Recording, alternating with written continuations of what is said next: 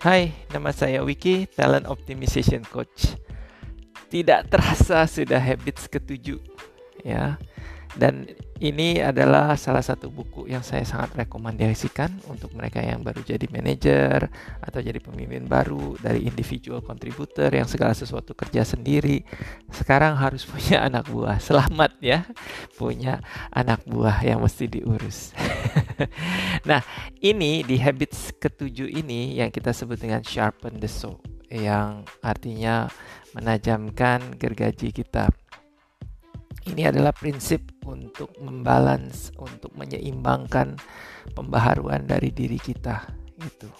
Nah, ini dimulai dengan cerita seseorang yang menggergaji pohon gitu ya, dalam keadaan kelelahan gitu, dia masih gergaji terus nah, seseorang datang tanya sama dia, "Pak, lagi ngapain?" "Saya lagi gergaji pohon nih. Saya udah kecapean nih." "Udah berapa lama, Pak?" "Udah lima jam."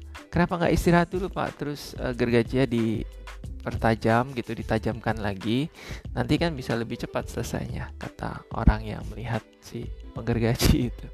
Si orang ini malah bilang saya ini kak udah kehabisan waktu nggak sempet lagi karena saya terlalu sibuk menggergaji nah sering ya kita juga ngalamin kayak gitu yang kadang sibuk bawa mobil sampai lupa isi bensin.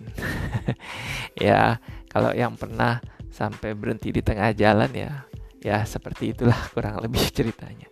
Nah di sini dibahas ada empat dimensi yaitu dimensi fisik ya seperti olahraga nutrisi stress management ada lagi bagian dimensi sosial emotion. Jadi ini bagian empati, bagaimana kita bersinergi dengan orang. Ada lagi yang disebut dengan dimensi spiritual, ya kita bagaimana kita mengklarifikasi value kita, nilai-nilai penting kita. Dan juga yang terakhir adalah dari dimensi mental. Eh, bagaimana kita apakah masih kita membaca buku, kita melakukan visualisasi, apakah kita melakukan perencanaan, menulis dan sebagainya.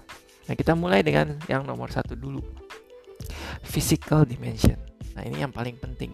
Uh, kalau saya ingat dari kata-kata Anthony Robbins juga dia bilang kadang manusia itu sebenarnya jadi orang tuh nggak susah kata Anthony Robbins.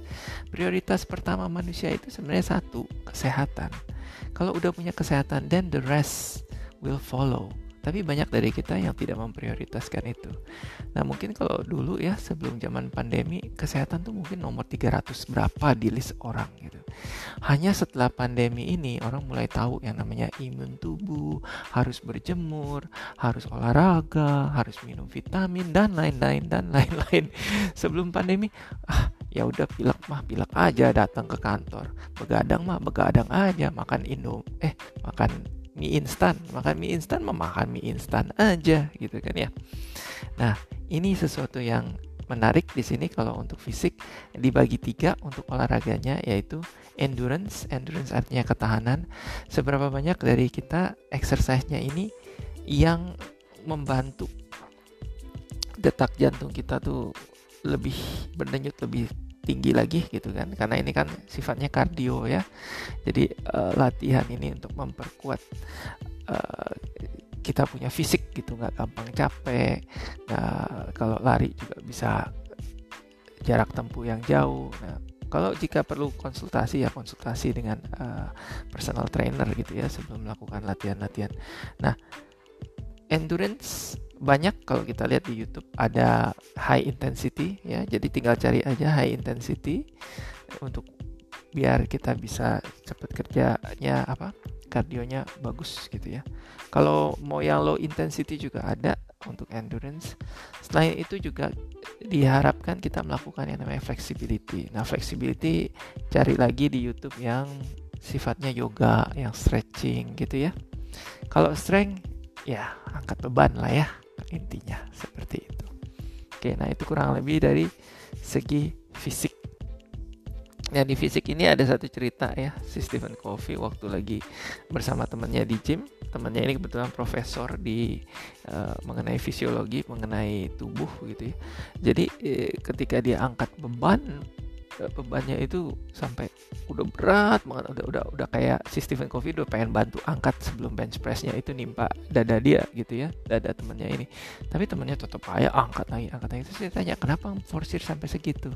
Di situlah saat ketika kita tuh udah mulai sakit udah mulai kayak nggak bisa lagi di situlah otot itu rusak ya. Dan dia mulai renewal memperbarui uh, otot dan akhirnya berkembang. Nah, itu yang bikin otot menjadi uh, kuat dan besar gitu. Ya. Nah, ini yang diceritakan di sini. Jadi, pertanyaannya adalah exercise apa yang Anda lakukan untuk menjaga fisik Anda? Nah, untuk dimensi spiritual ini berhubungan erat dengan uh, yang yang end in mind yang sebenarnya kita kalau udah selesai di sini tuh kita mau diingat seperti apa sih? Kita punya purpose di dunia ini tuh apa sih? Gitu ya. Yang selalu mengklarifikasi value kita secara hidup gitu. Uh, meaning kita memberikan arti apa dari hidup kita. Nah ini ada satu cerita ya mengenai seorang yang dia lagi apa keadaannya tuh stres gitu ya kayaknya. Kok hidup ini tuh rata flat gitu ya hambar uh, tidak ada antusiasme gitu dan segala sesuatunya tuh kayak dia mau menulis juga nggak bisa dan sebagainya. Nah akhirnya dia pergi ke uh, dokter gitu. Nah ketika di dokter diperiksa secara fisik nggak ada yang nggak ada yang aneh dengan dirinya. Jadi dia bilang ya udah kamu schedule satu hari gitu ya ikutin instruksi saya kata dokternya. Nah si Arthur Gordon nih nama si orang yang diberikan instruksi ini dia bilang e, oke okay, gitu apa aja.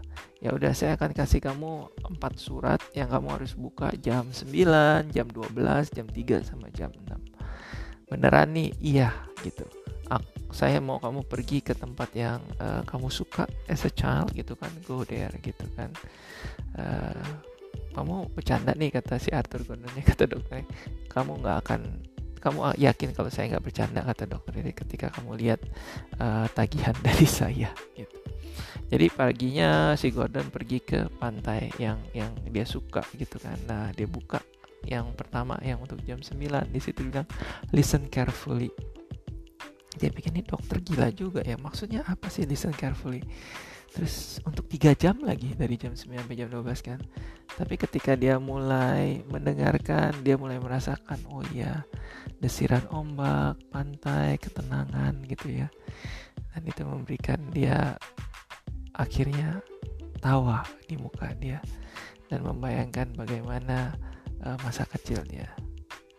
Dan dia merasakan kedamaian setelah itu di siang hari jam 12 dia buka surat yang kedua. Try reaching back ya, reaching back. Jadi menggapai yang masa lalu. Dia bingung ini apa maksudnya? Mungkin masa lalu, masa kecilnya kah? Mungkin memori ketika dia masa indahnya kah? Terus dia membayangkan masa-masa waktu kecilnya. Dia berusaha dengan uh, se sepasti mungkin gitu kan mengingat itu dan dia merasakan kehangatan di dalam bayangan tersebut. Jam 3 mulai di situ ditulis coba berusaha menilai motivasi Anda. Terus dia mulai bingung apa motivasinya ya pasti sukses, penghargaan, terus Eh, apa security ya keamanan secara finansial kemungkinannya seperti itu ya. Tapi setelah dia berpikir lebih lanjut dia merasa kalau no that's not good enough. Pasti ada sesuatu yang lain. Mungkin itulah jawaban dari perasaan situasi yang stagnan ini yang nggak nggak bergerak ini gitu terus dia mikir lagi motivasi dia yang lebih dalam. Dan dia memikirkan apa yang membuat dia bahagia di masa lalu.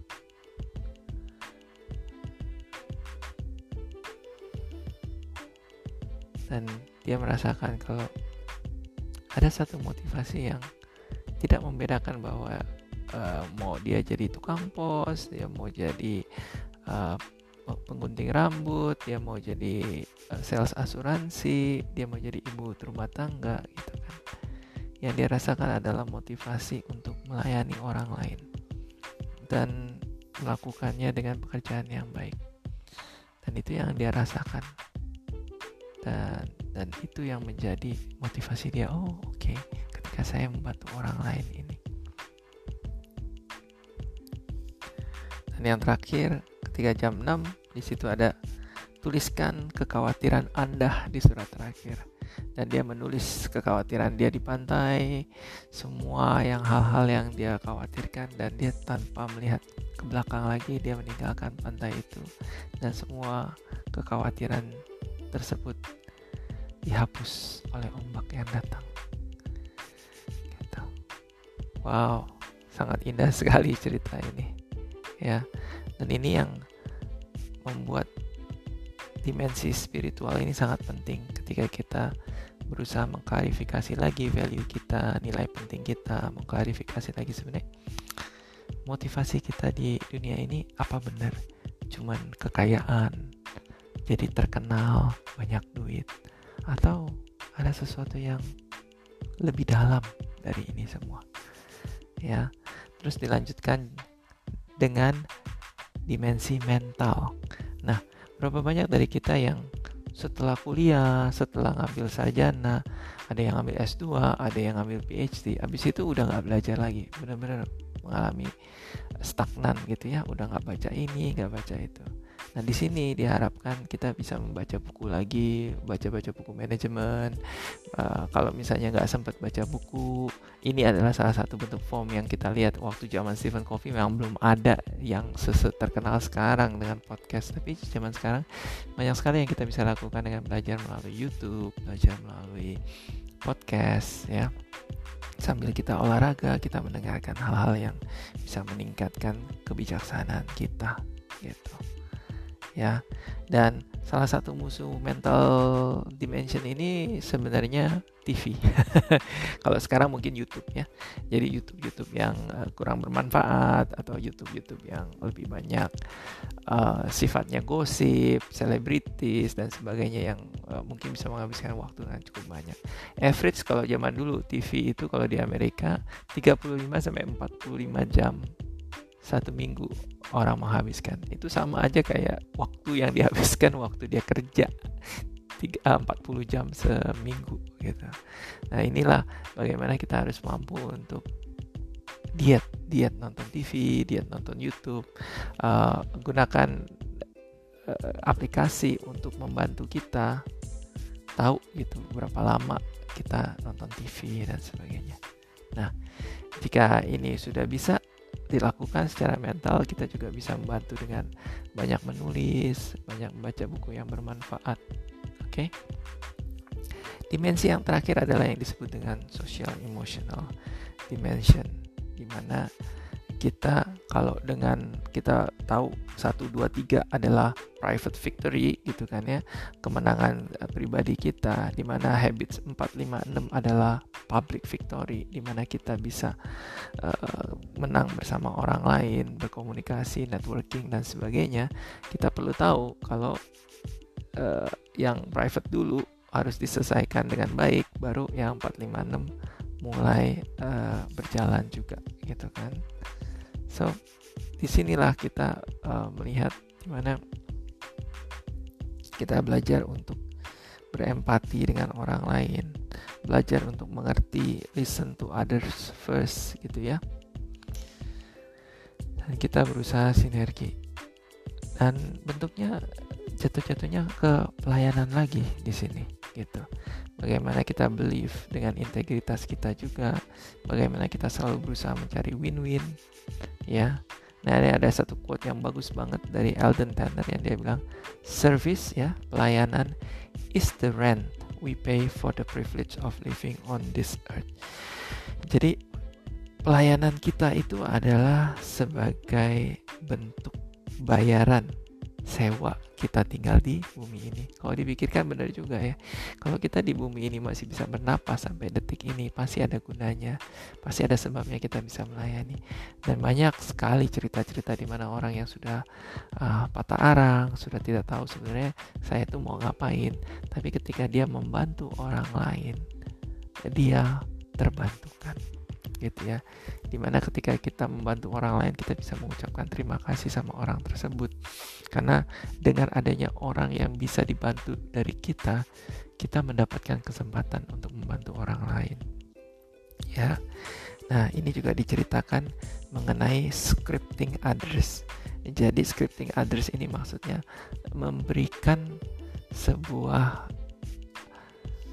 um, kalimat ya atau sebuah tujuan kepada orang lain. Mungkin kalau kita ingat ada masa-masanya ketika kita merasa kita tuh nggak bisa, kita yang paling bodoh, uh, kita yang paling lambat, tapi ada orang yang selalu percaya sama kita, ayo, ayo maju, ayo Wiki, ayo maju, lakukan, kamu pasti bisa, gitu kan. Nah orang-orang ini yang sudah membuat kita menjadi apa yang yang kita kagumi terhadap diri kita sekarang, gitu kan. Kita bisa nggak seperti itu untuk orang-orang lain di mana kita selalu memberikan kekuatan untuk orang lain untuk bisa maju Nah, di sini juga diceritakan mengenai self-fulfilling prophecy, di mana ketika kita percaya sesuatu, maka itu akan terjadi ya ramalan tersebut. Jadi diceritakan ada sebuah sekolah di mana sistem komputer yang ngaco, yang pinter dicap uh, kurang pintar, yang kurang pintar dicap pintar. Nah, lucunya yang kelas yang kurang pintar ini karena dicap pintar, guru-gurunya itu berusaha dengan berbagai cara untuk membuat anak-anak ini pintar. Jadi ketika anak-anak ini diajarkan kurang ngerti, mereka memberikan ekstra mile, memberikan yang terbaik untuk ini gimana caranya Bayangkan kalau kita dalam komunikasi dengan orang lain, kita selalu punya belief seperti itu. Kalau mereka oke, okay, mereka bisa berusaha, mereka tangguh, mereka pengen yang terbaik dari diri mereka. Tentunya cara membantu mereka pun akan sangat berbeda. Ya, nah ketika kita membalance renewal ini gitu kan, di semua sisi harus terjadi tidak bisa satu dimensi terlupakan. Kalau lupa fisik pasti yang lain ke bawah. Kalau kita lupa spiritual juga seperti itu. Jadi empat-empatnya ini harus selalu kita pertajam.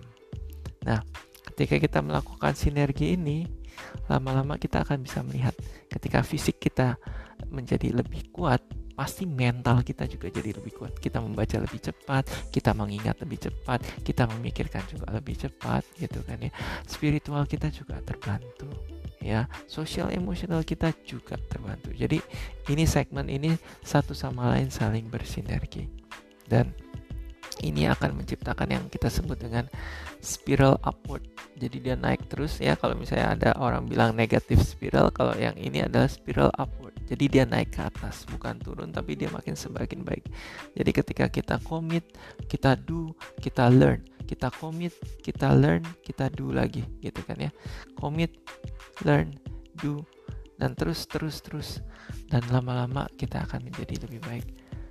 Tak terasa buku ini sudah selesai dan saya ucapkan uh, banyak terima kasih untuk mereka yang sudah mendengarkan dari habit 1 sampai habits ke-7 dan tunggu untuk podcast-podcast buku-buku yang berikutnya. Bye.